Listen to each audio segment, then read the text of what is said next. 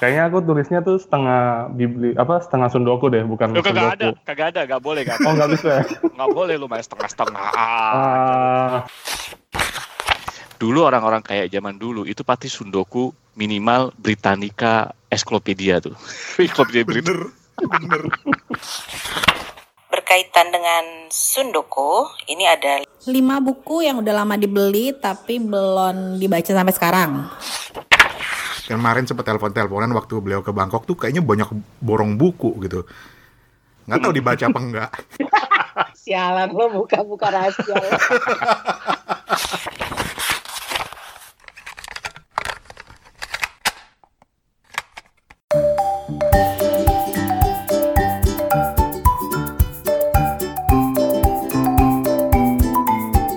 Kita ketemu lagi di Kepo Buku untuk episode entah keberapa ini. Pokoknya kita bikin aja Kepo Buku. Dan eh, kali ini kembali bersama dengan teman-teman setia yang seperti biasanya. Ada Toto di Singapura. Tok, waktu kita sedang rekam saat ini, lu udah keluar belum dari rumah, Tok? Belum. Pada saat ini direkam gue masih serving my stay home notice. Terus lu merasa kayak, kayak lu merasa kayak di penjara gitu nggak sih?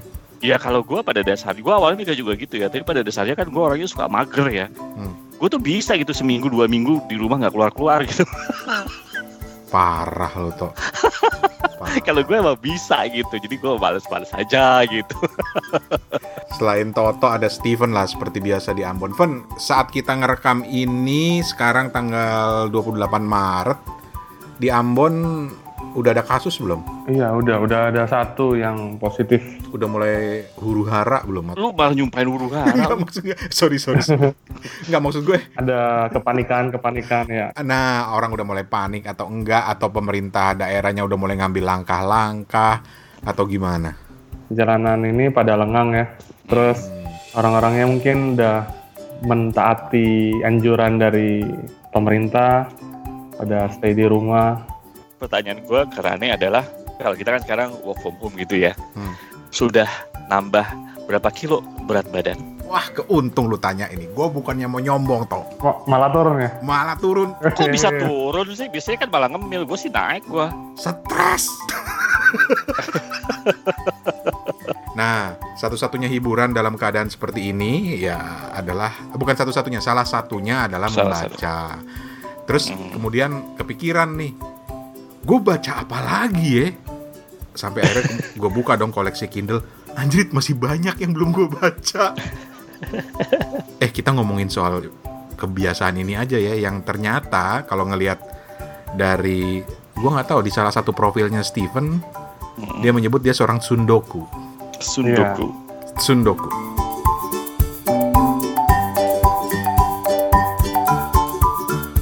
sundoku itu dari kata sumu sumu itu artinya numpuk Oke. Eh, doku itu artinya duit eh bukan membaca Lu dari hari gini masih bikin duit aja lu ah. jadi sundoku itu artinya kebiasaan numpuk bacaan gitu loh beli buku tapi nggak dibaca Itu Gitu. itu sundoku itu dari bahasa Belanda. Jepang Oh Jepang. Oke. Dan yang menarik, istilah Sundoku itu udah ada dari tahun 18-an. Oh tapi di Jepang mungkin ya kalau tradisi tulis baca tulis Udah di Jepang ada. mungkin tahun 18 udah udah ini kali ya. Mm. Udah oke kali ya. Jadi jadi jadi ada yang ada yang bilang juga bahwa ini sebenarnya kebiasaan, bukan kebiasaan. Jadi istilah Sundoku itu eh, ledekan sebetulnya untuk para eh, sensei, para dosen Mm-mm. atau profesor di zaman dulu gitu ya yang Mm-mm. banyak banget bukunya sampai dihias gitu ya kalau masuk ke rumahnya tuh Mm-mm. banyak buku tapi nggak ada yang dibaca. Jadi diledekinnya Sundoku Sensei. Jadi sundoku itu adalah lu beli buku tapi nggak lu baca. Yap. Jadi sama kayak apa tuh kalau bahasa Inggrisnya? Eh, biblio apa? Kalau kalau bahasa Inggrisnya bibliofil ya. Yang Mas Toto bilang tuh mungkin bibliomania ya. Bibliomania ada ya. Sebenarnya kalau bibliofil itu sebenarnya orang yang memang mencintai buku ya. Kalau sundoku ini kan lu beli buku Iya. tapi nggak dibaca. Jadi hoarding buku gitu kali ya. Iya, Kalau iya. bibliofil itu emang bener nggak sih hoarding buku ya bener ya? Hmm. hoarder gitu ya, tapi ya buku gitu, ngumpulin buku aja gitu kali ya. Terus kalau bibliofil ini orang yang sebenarnya buku lovers gitu, buku lovers ya beli buku banyak bisa jadi sih dia tetap baca gitu, tapi dia tetap ngumpulin juga gitu. Nah kalau bibliomania nggak tahu apaan. Ini di BBC di ini dibilang eh, kegiatan yang nggak berhenti berhenti ngumpulin koleksi literatur. Jadi dia terobsesi sama buku-buku unik seperti kayak buku-buku edisi pertama ataupun juga edisi ilustrasi gitu. Jadi semua pada di pada dikoleksi gitu. Oh, sama ini kayak temen gue nih. Mana? Biar ka- biar kagak ngerti juga, pokoknya semua eh, versi bahasanya Little Prince dikoleksi. Ya, ya bisa aja. Ya cuma li- Ada tuh, ada tuh temen gue kayak gitu tuh. ganteng tuh orangnya tuh, gue yakin tuh. Ganteng dari Hong Kong. Tapi gue lempar balik lagi ke Steven, lu kenapa lu ngaku bibli, bibli- eh, apa sundoku? Harus dikoreksi dulu ya bang. Kayaknya aku tulisnya tuh setengah bibli apa setengah sundoku deh, bukan Lu kagak ada, sundoku. kagak ada, gak boleh kan? Oh nggak bisa ya? Nggak boleh lu main setengah-setengah. Ah, Ah iya. Oh, apa lagi pula lagi pula kalau ngomong setengah berarti kan 50%. Lu Iya. define lu setengah gimana? Harus jelas oh. Iya kalau lu setengah. Kalau lu 60% atau 70% atau Oh, iya. cuma 40%, lu harus mendefinisikan secara matematik kenapa lu 50%. Mampus lu Steven. Lu ngomong sama Toto gitu. sama sama sensei jadi. Nyari gara-gara sih lu ngomong sama Toto lu. Kalau ngomong sama Toto tuh harus logis. Iya iya Ya, benar. benar. Logis. Oke, Be. Oke, Setengah oke. sundoku. Ya setengah lah, setengah, sundoku. setengah lah. Kenapa? Eh, karena di satu sisi tuh aku beli buku ya misalnya beli buku tuh karena lagi keluar misalnya edisi yang Hmm. baru gitu. Mm-mm. Hmm. Beli sekarang bacanya entar dan Ah. itu menumpuk karena kemampuan kita beli bukunya tuh lebih cepat daripada baca bukunya. Maka Hmm. di situ sondoku kan tapi aku meniatkan diri supaya jangan kayak gitu jadi harus setengah sondoku aja Eh, Oke oke oke oke. Bapak Toto silakan apakah itu masuk akal? Eh, masuk akal, masuk akal. Karena kalau menurut gua eh, yang diomongin Steven tuh eh, bener juga ya. Karena kemampuan kita membeli buku, alhamdulillah gitu ya, puji Tuhan gitu ya kita di ya eh, mampu membeli buku gitu kan. Sementara mungkin banyak di luar sana yang nggak mampu gitu, nggak mampu dalam artian mungkin dari segi finansial maupun juga secara mental gitu. Eh ada loh orang yang mungkin kapan kita bahas ya masuk ke toko buku tuh nggak punya mental gitu, nggak punya kekuatan apa sih kenapa gue beli buku gitu. Ada gitu. Tapi tapi kalau gue kalau gue sama sama Steven. Karena kita punya kemampuan untuk membeli buku ya. Kadang-kadang ada buku yang eh, dalam tanda kutip ya nanti kita definisiin lagi lah unik gitu. Jadi gue tuh nggak mau ketinggalan gitu. Misalnya beli ini buku bagus nih tapi ntar aja deh bacanya tapi gue nggak mau tuh ketinggalan topik ini misalnya kayak gitu Hmm. Iya kan, entah karena topiknya lagi in, entah karena ya bagus aja gitu bukunya gitu. Kadang-kadang kalau gue kan makanya mungkin kalau untuk apalagi untuk orang kayak gue ya yang ke toko buku itu eh impromptu ya apa namanya lebih ke impulsif buying gitu. Nah kadang-kadang yang yang kayak gue itu akhirnya jadi jadi eh, apa sundoku tadi gitu, gitu ternyata. Hmm, Oke. Tapi kalau sundoku gue lebih ke buku-buku fisik ya. Kalau ke e-book biasanya enggak. E-book itu gue susah banget ngedapetin feel-nya untuk akhirnya impulsif buying untuk e-books kalau gue. Jadi kalau lu tadi bilang lu Kindle ya, gitu kan. Hmm. Ternyata banyak yang beli baca ya. Nah gue tuh susah banget impulsif buying untuk Kindle. Eh untuk sorry untuk e-books gitu. lucu ya, lucu ya. Nah kalau lu kenapa? Lu lu lu, lu kenapa? Lu lu apakah lu sundoku juga, Ran? Ya pada akhirnya gara-gara gue kenal istilah sundoku dari Steven, gue menyadari bahwa oh iya gue punya hobi sundoku gitu loh. Eh, atau gue ini seorang sundoku. Sundoku tuh jadi kata kerja ya, Iya ya. kata sifat, Kata benda kali. kata benda. I am a sundoku. gue jadi seorang sundoku gitu karena ya itu gue nyari lihat-lihat lagi paling enggak nih di Kindle gue aja Mm-mm. itu paling lama ada yang gue pernah beli di kira-kira 10 tahun yang lalu belum dibaca Ah, oke oke oke. nah Oke. dan dan kalau Toto bilang bahwa Hmm. dia impulsif buying dalam artian dia beli buku itu Mm-mm. lebih ke bu- buku fisik Mm-mm. gue sudah way past that. Gue masuk masuk toko buku, gue masuk ke Kinokuniya misalnya, Hmm. gue bisa nahan diri nggak beli. Tetapi Hmm. tangan langsung nyamber handphone. Buka Kindle, ada, beli. Lebih murah. Lebih Karena murah. lebih murah. Lebih murah. Hah. Dan yang kedua, gua trauma. Jadi waktu gua di Jepang, gue mau balik, Hmm. eh itu buku gua saking banyaknya sampai gua nggak sanggup bawa. Oh gitu. Kalau lu gitu malah ya. Ah-ah. Oh. Dan gua dan ditambah lagi trauma sama rumah gua yang banjir dan Ah. lembab, akibatnya banyak buku yang hancur. Akhirnya apa? Ya sundoku gua adalah di, di Kindle. Gila banyak banget buku Kindle yang belum gua baca. Eh. Banyak banget. Tapi kalau gue malah kebalikan. Gue, gue, Hmm. kalau kalau- kalau lu kan misalnya ada buku fisik gitu ya, terus Hmm. lu lihat di Kindle ada, lu lu langsung beli gitu kali ya. Kalau kalau gue terjemahin gitu ya, kalau gue bisa ngerti gitu. Nah kalau gue tuh malah kebalikan Ran. Biasanya gini, sekarang ini gue agak mengurangi impulsif gue. Beberapa kali gue sekarang ke toko buku tuh kalau ada buku bagus nih kayaknya nih sampulnya enak banget gitu ya. Terus biasanya gue yang saat ini gue capture biasanya di Goodreads dulu gitu. Jadi uh, I want to read gitu, gitu ya Van ya. I want Hmm, read ya. Jadi gue capture dulu gitu. Karena gue juga, ah, udahlah gue ngontrol daripada buku fisik. Nah kalau ada buku itu bagus lebih-lebih ada e-booksnya, gue lebih tidak membeli lagi fisiknya. Karena gue pikir ter- kalau gue ngelihat diri gue sendiri gitu ya, kenapa gue beli buku kadang-kadang itu karena gue prince apa ya dalam dalam apa ya dalam hati gue apa sih dalam hati gue dalam pikiran gue gitu ya gue merasakan ada prinsip scarcity gitu. Jadi kalau gue gue beli sekarang ntar hilang lagi gitu kan. Wi- mudeng ya maksud gue ya. Jadi gue nggak bisa lagi dipanya topiknya lucu. Tapi begitu ada lu, lu sama sama emak-emak di sebelah apartemen gue. gitu ya? Heeh, tapi yang dikumpulin Indomie di, di supermarket.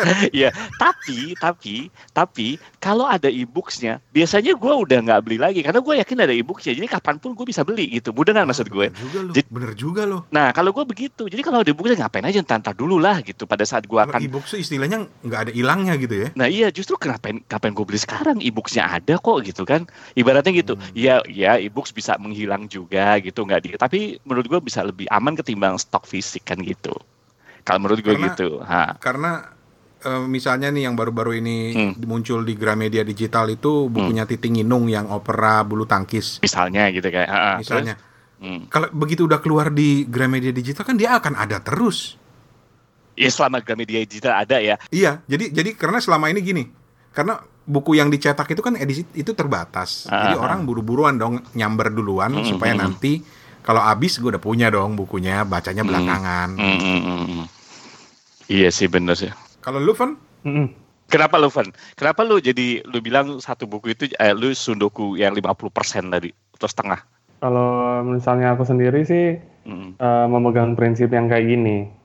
Lebih baik nyesel beli daripada nyesel nggak beli. Wis cakep. karena lu takut buku itu nggak ada lagi kan Iya benar. Nah sih, jadi scarcity sebenarnya kita tuh nganggap bahwa karena kita udah berapa kali kali karena mungkin karena menurut gua lu seneng baca kan Van ya kita semua di sini seneng baca kan.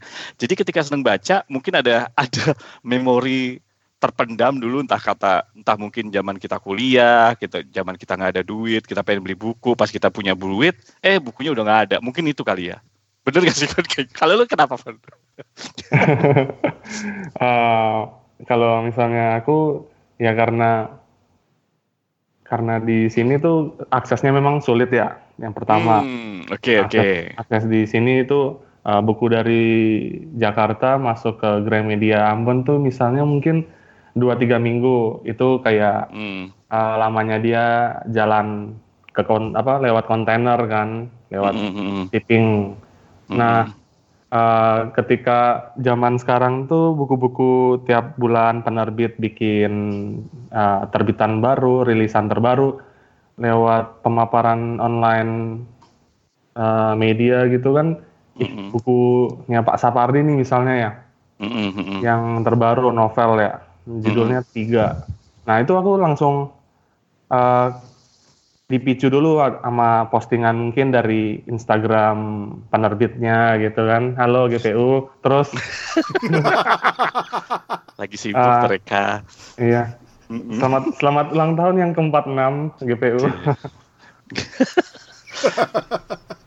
Nggak ngaruh kan lo mau ucapin sampai selamat ulang tahun ke 50. Oh, 50 ya kayaknya nggak bakal tuh.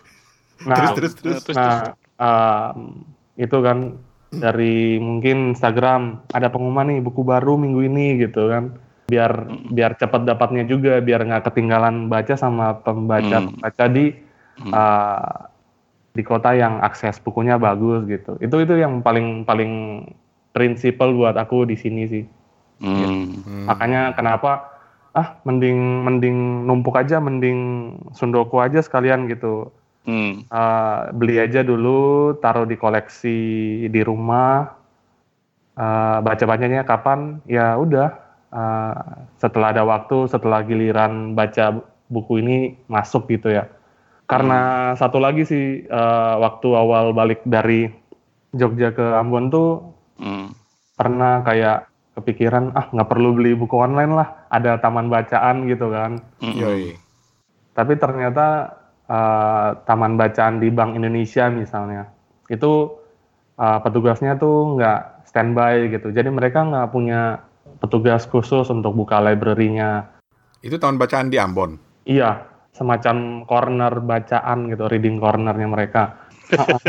Terus satu kali lagi pergi ke taman bacaan milik gereja gitu ya. Tapi tiap kali aku ke sana, kok pada tutup gitu, pada nggak ada orangnya gitu. Jadi malas bener kan, akhirnya ya Hmm.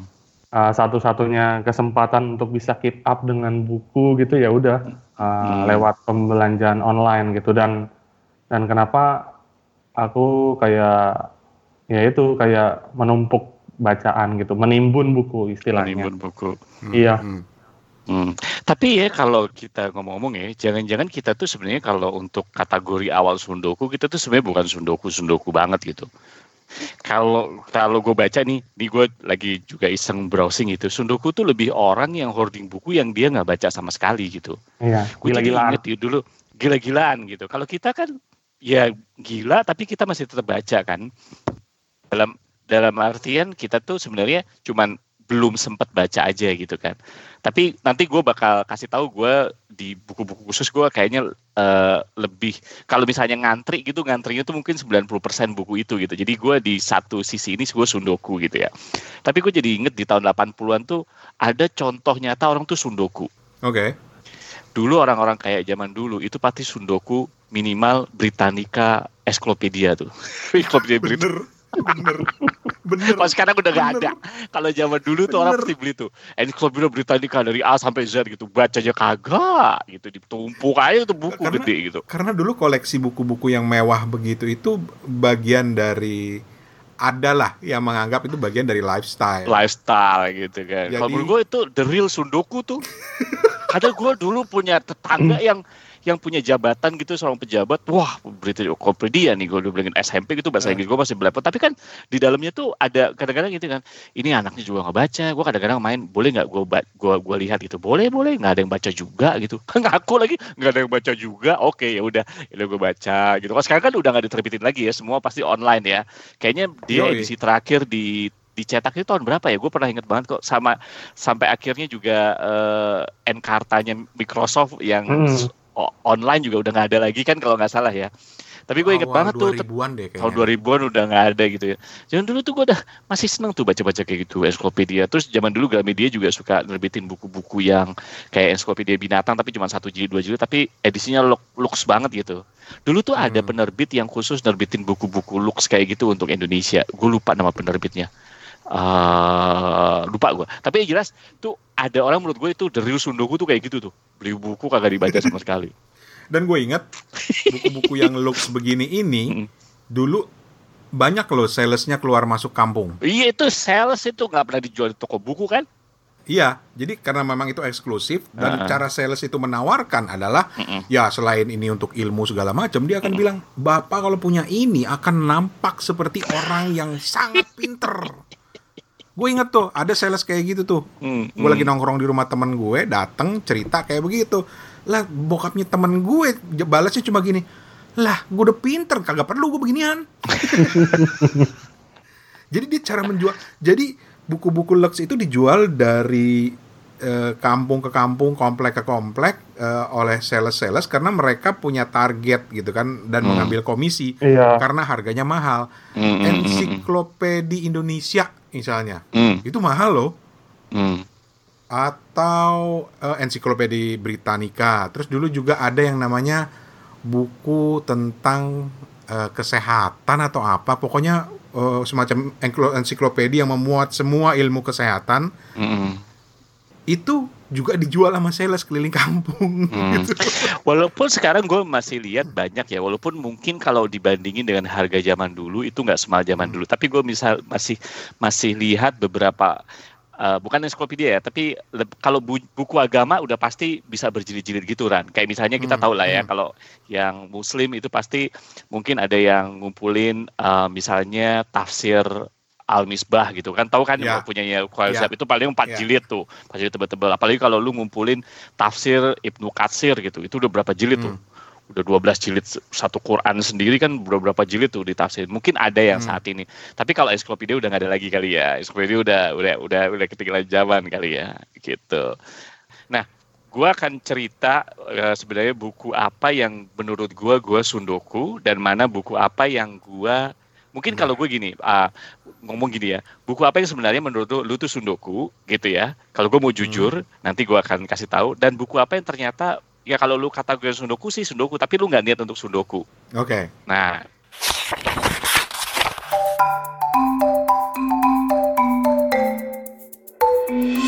Oke kawan-kawan eh, kita break sebentar. Habis ini kita punya surprise buat Lolo yang suka penulis yang satu ini Beliau bakal bercerita tentang buku-buku yang sudah dibelinya cukup lama, lumayan lama, tapi belum dibaca. Ternyata sundoku juga. Tapi sebelumnya kita mau dengerin dulu beberapa teman yang juga ikut tantangan Sundoku Kepo Buku. Uh, pertama ada namanya Akino. Kalau nggak salah Akino ini di Australia ya Kino ya. Sekarang baru pindah ya. Dan inilah 5 buku Sundokunya Kino. Lima buku yang udah lama dibeli tapi belum dibaca sampai sekarang. Uh, yang pertama The Complete Sherlock Holmes. Ini karena bukunya tebel banget jadi terintimidasi. Terus ada 100 Great Cities of the World. Padahal ini adalah buku gambar sama Angels of Africa. Salah, salah. Angels in Africa. Terus yang cukup baru, oh ini cukup lama juga. The Clash of Civilizations and the Remaking of World Order dari Samuel P. Huntington sama yang satu lagi ini juga tebel banget The Intelligent Investor dari Benjamin Graham. Kino, makasih banget. Uh, terus siapa lagi ya ini ya? Um, Cici, eh Vera Vera, ketuker terus. Akun Instagramnya Cici Traveler, tapi namanya Vera. Kita dengerin Sundokunya Vera. Halo, kepo buku. Gue Vera atau Instagramnya Cici Traveler. Gue dari Jakarta. Oke. Okay. Berkaitan dengan Sundoko, ini ada lima buku gue yang sudah cukup lama dan belum dibaca dan akhirnya baru ingat ini belum dibaca. Yang pertama, judul bukunya adalah Tiga Abad Perempuan. Ini kumpulan cerpen tulisan perempuan selama tiga abad. Dan cerpen-cerpennya ini sebenarnya banyak yang cerpen terjemahan ya.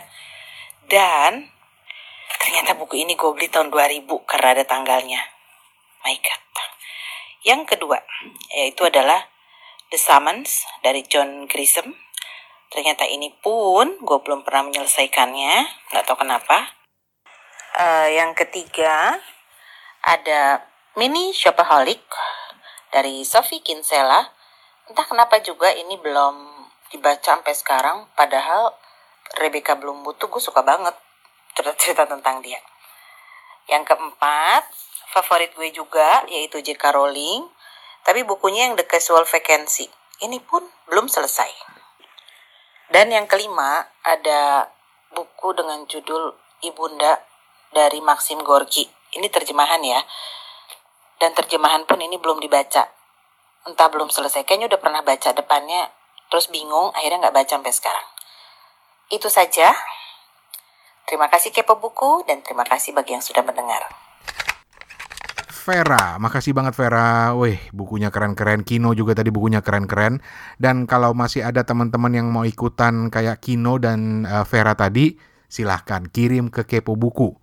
kita tunggu uh, karena episode Sundoku ini ada dua bagian ya, ada dua episode saking banyak dan panjangnya yang memberikan pengakuan.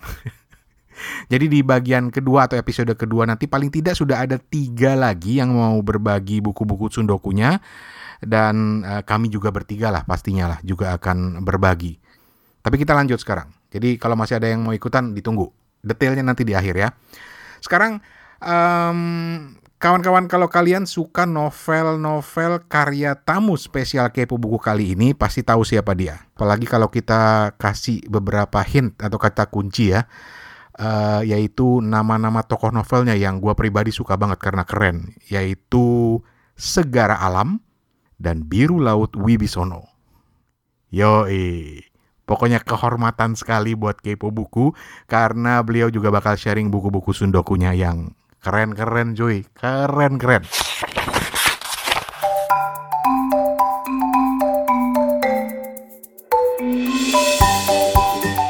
Oke, dan kita masih di Kepo Buku. Ada tamu spesial yang akan ngobrolin juga soal sundokunya.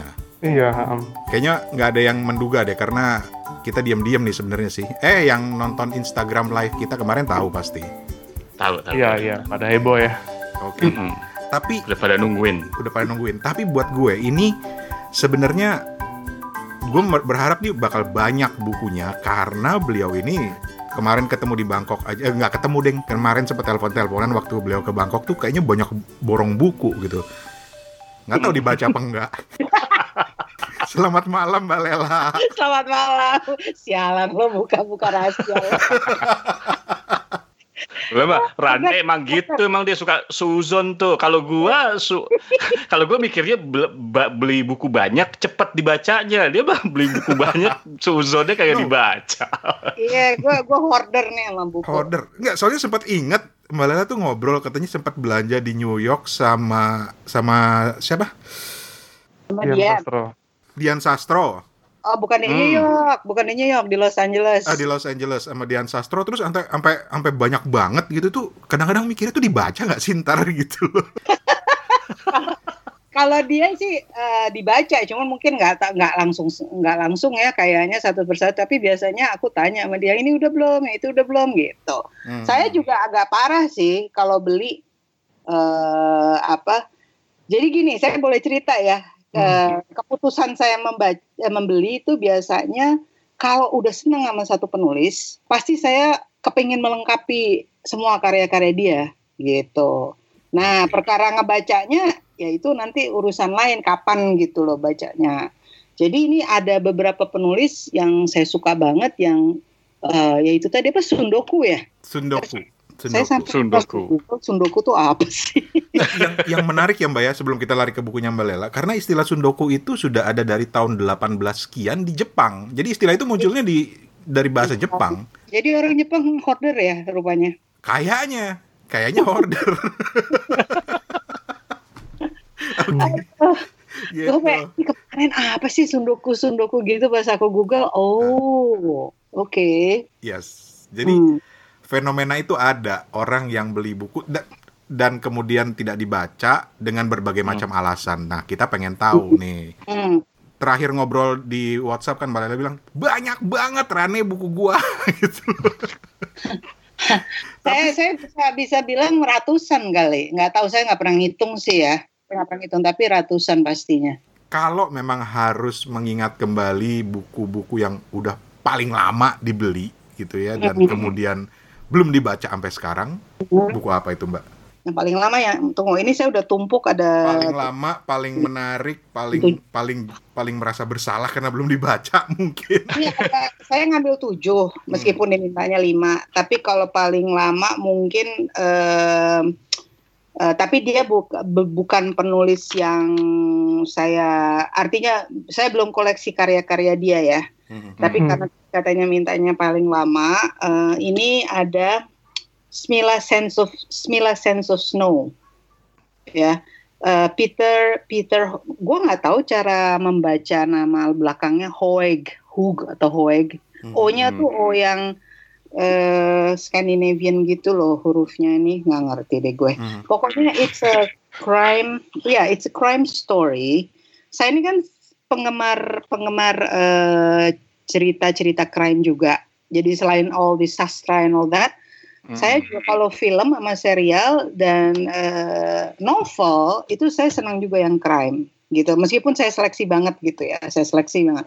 Nah, Smila Snow ini sastra dia a New York Times bestseller dan penulisnya si Peter Hoog ini, I don't, sorry kalau saya salah menyebut mm -hmm. namanya, he's a Danish writer dan bukunya mm -hmm. lama, udah lama banget, cuman gue belum belum juga me, me, apa membacanya gitu. Dan ini terkenal sekali Smiley Sensosno ini, um, pokoknya di kalangan uh, European authors itu dia salah satu yang terkemuka lah penulisnya nih.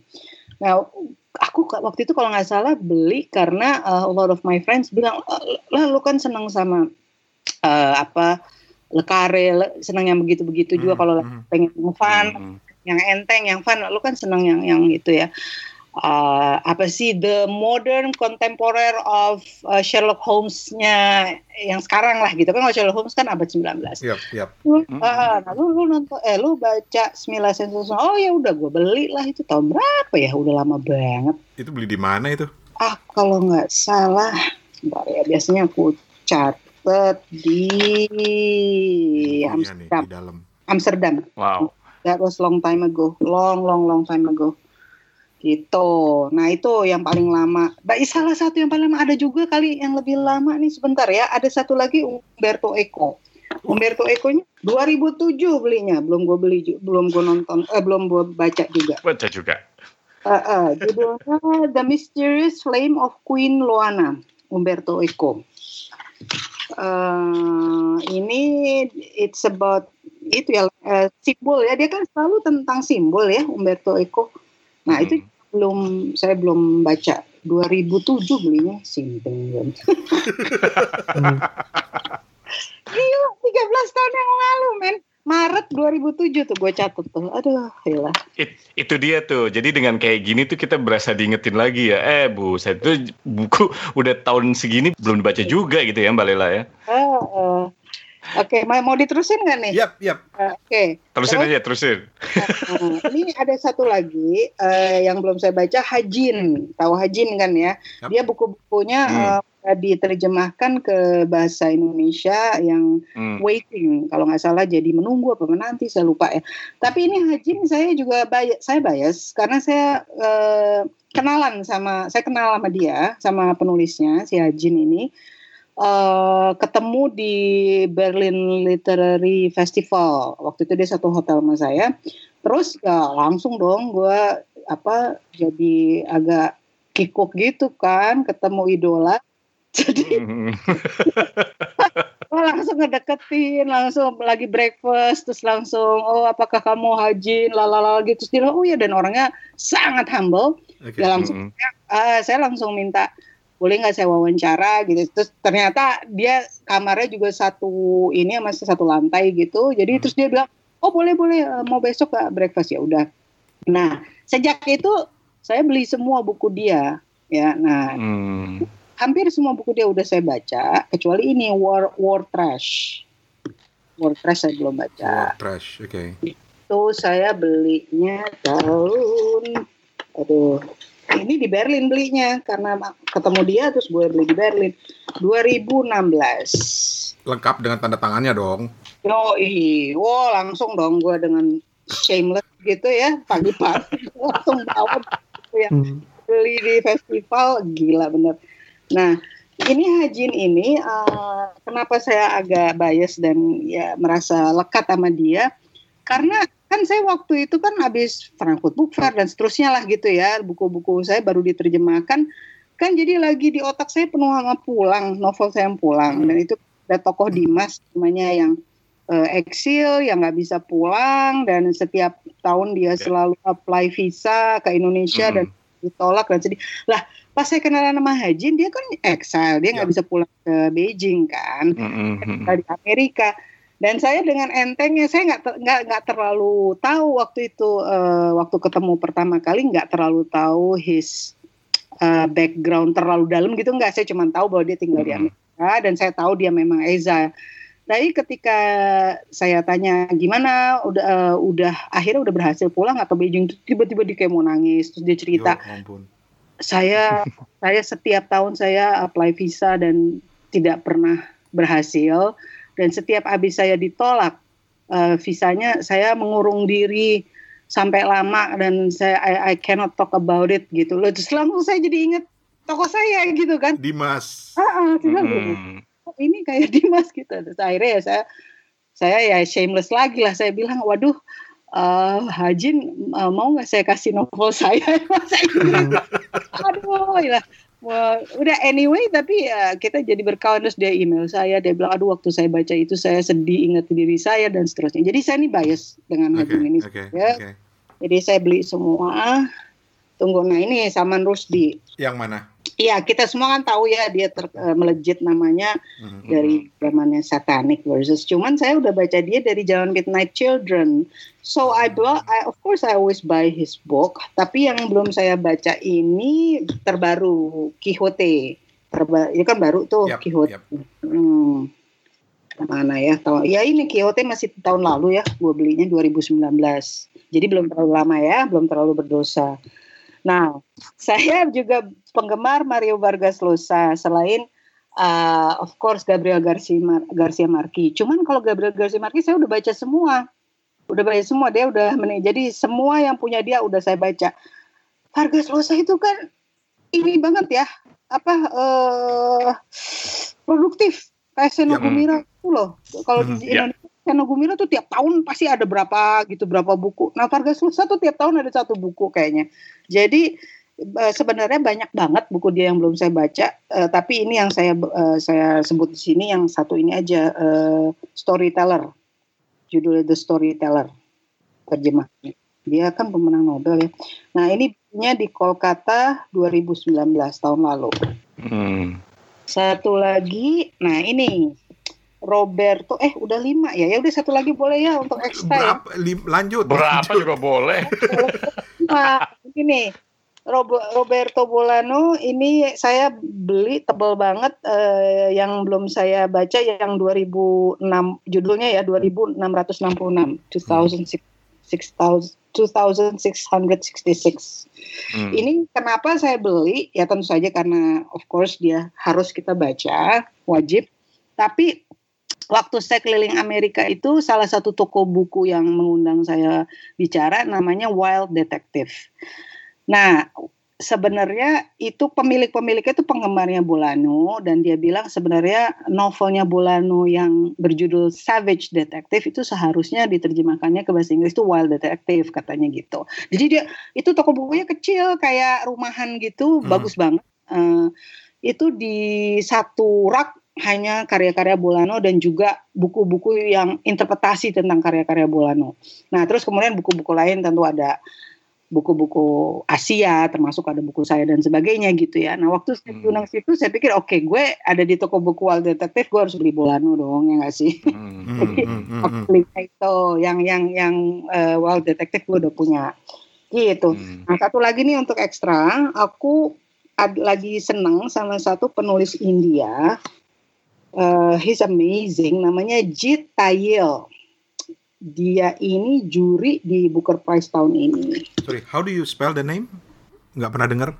Oke, emang dia dia cukup eh, ya nggak baru sih tapi ya dia belum seterkenal Bolano. Udah dia masih hidup masih you know he's quite young.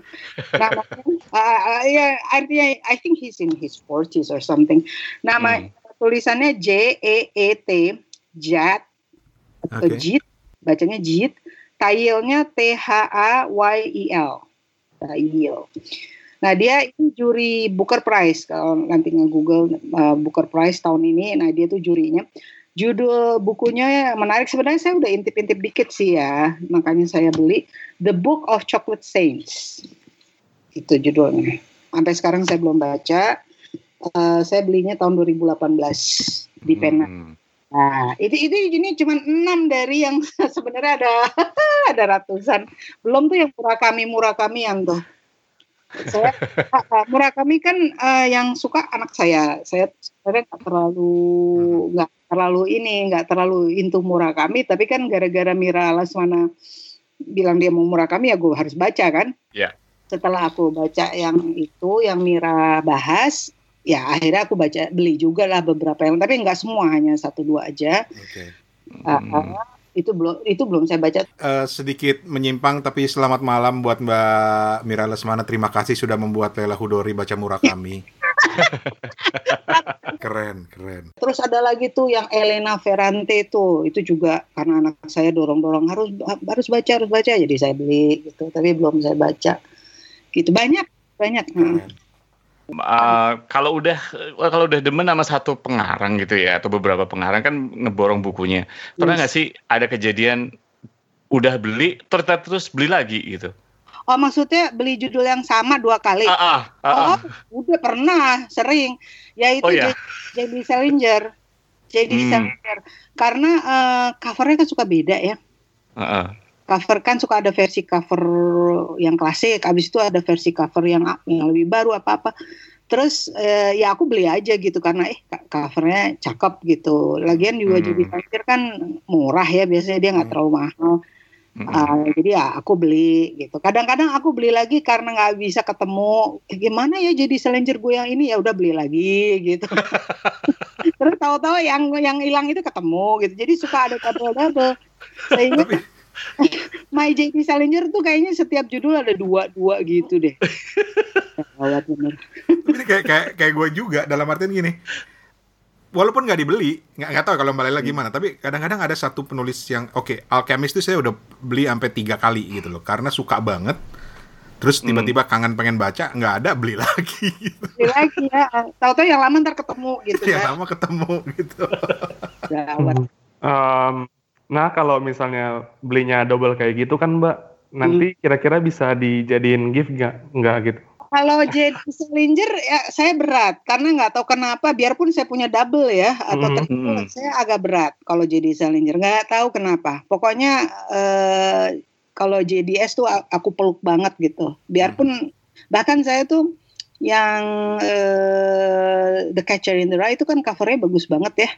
Hmm. Eh, itu saya punya tiga. Itu kayaknya saya sulit itu memberikan ke orang. Jadi saya mendingan kalau ada orang yang gimana saya akan mendingan saya beliin aja lagi Beli gitu. baru. Ah, Ah, saya mendingan- karena it's not expensive ya. Eh, jadi Hmm. itu kan kecil pocket book dan nggak terlalu mahal. Kalau ada yang bilang eh, gue aku juga nggak pernah minjemin biasanya. Kalau ada orang yang bilang pinjem lah gue mendingan beliin daripada minjem gitu. Eh, minjemin. Hmm. karena kalau minjemin saya suka khawatir ke, ke kelipet-lipet atau nanti kesiram kopi Hmm. atau ngerti gak sih you yap. know, Mm-mm. pokoknya gak ada ah, enggak, enggak, enggak, enggak, gue beliin lu aja deh gitu saya kalau ada orang yang minjem jadi lama-lama orang pada udah tahu bahwa saya tuh nggak bakal minjemin gitu saya bakal beliin aja kalau mereka pengen baca Oke, balik ke Sundoku tadi. Tadi kan ke- tadi semua itu kan semuanya buku-buku asing. Do you read Indonesian books by Indonesian authors atau mungkin ada yang belum gue udah beli nih belum dibaca atau gimana?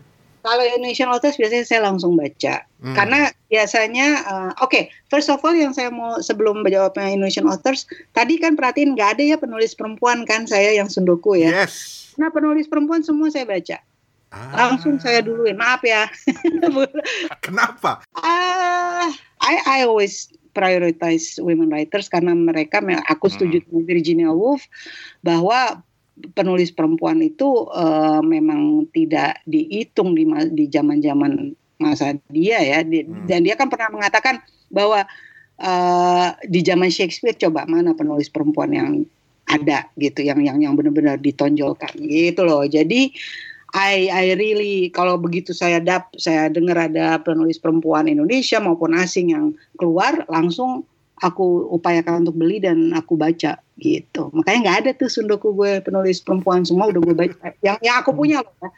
yang di, di di luar di toko buku mungkin ma- masih banyak yang belum saya baca Oke. nah Hmm. kalau di Indonesia juga biasanya saya usahakan langsung baca gitu saya usahakan biasanya Indonesia tipis soalnya Hmm, hmm. ya tipis udah gitu uh, of course bahasanya kan saya le- lebih cepat bacanya daripada bahasa Inggris Iya.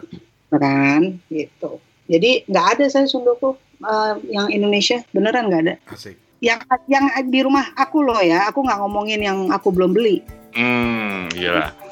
ngerti kan jadi artinya if you ask me bukunya siapa gitu ya berarti aku belum punya aja gitu Oke.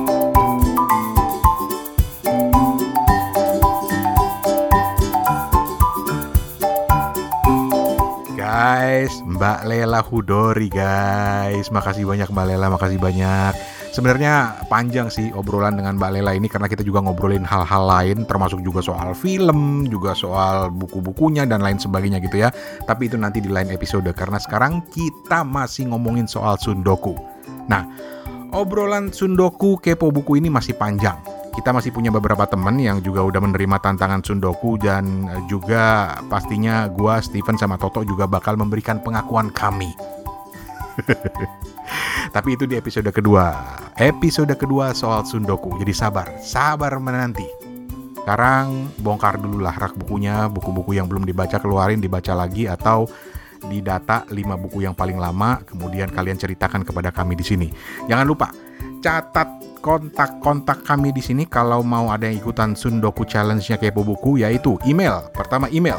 Jadi rekam aja terus attach ke email di hoi at kepobuku.com h-o-i hoi at kepobuku.com Terus ada WhatsApp 087878505012 Jadi pakai WhatsApp voice note aja Pencet itu yang gambar mikrofon di kanan bawah Terus langsung ngomong Woi Bang Rane, Toto, Steven, gua ini di sini, ini buku gue. Bisa juga pakai cara itu atau mau lebih gampang, main aja ke Instagram, terus DM kami atau kirim message kepada kami dalam bentuk audio sama di situ nanti ada gambar mikrofon yang bisa dipencet terus langsung ngomong aja di situ. Kirim. Nanti akan kita ikutkan dalam episode berikutnya di minggu depan. Ayo, ditunggu pengakuan-pengakuan dosa. Peng- Enggak, enggak dosa-dosa amat sih. Ditunggu pengakuannya. Ya wes, pamit dulu. Eh, itu buku yang udah lama nggak dibaca, dibaca lagi mumpung lagi work from home. Dan terakhir atas nama Steven di Ambon, Toto di Singapura, terus tadi ada Kino di Australia, ada Cici eh, eh, Vera di Jakarta ya. Di Jakarta ya Vera ya. Dan pastinya ada Mbak Lela Hudori. Gua Rani Hafid pamit, minggu depan kita ketemu di sini. Assalamualaikum, permisi.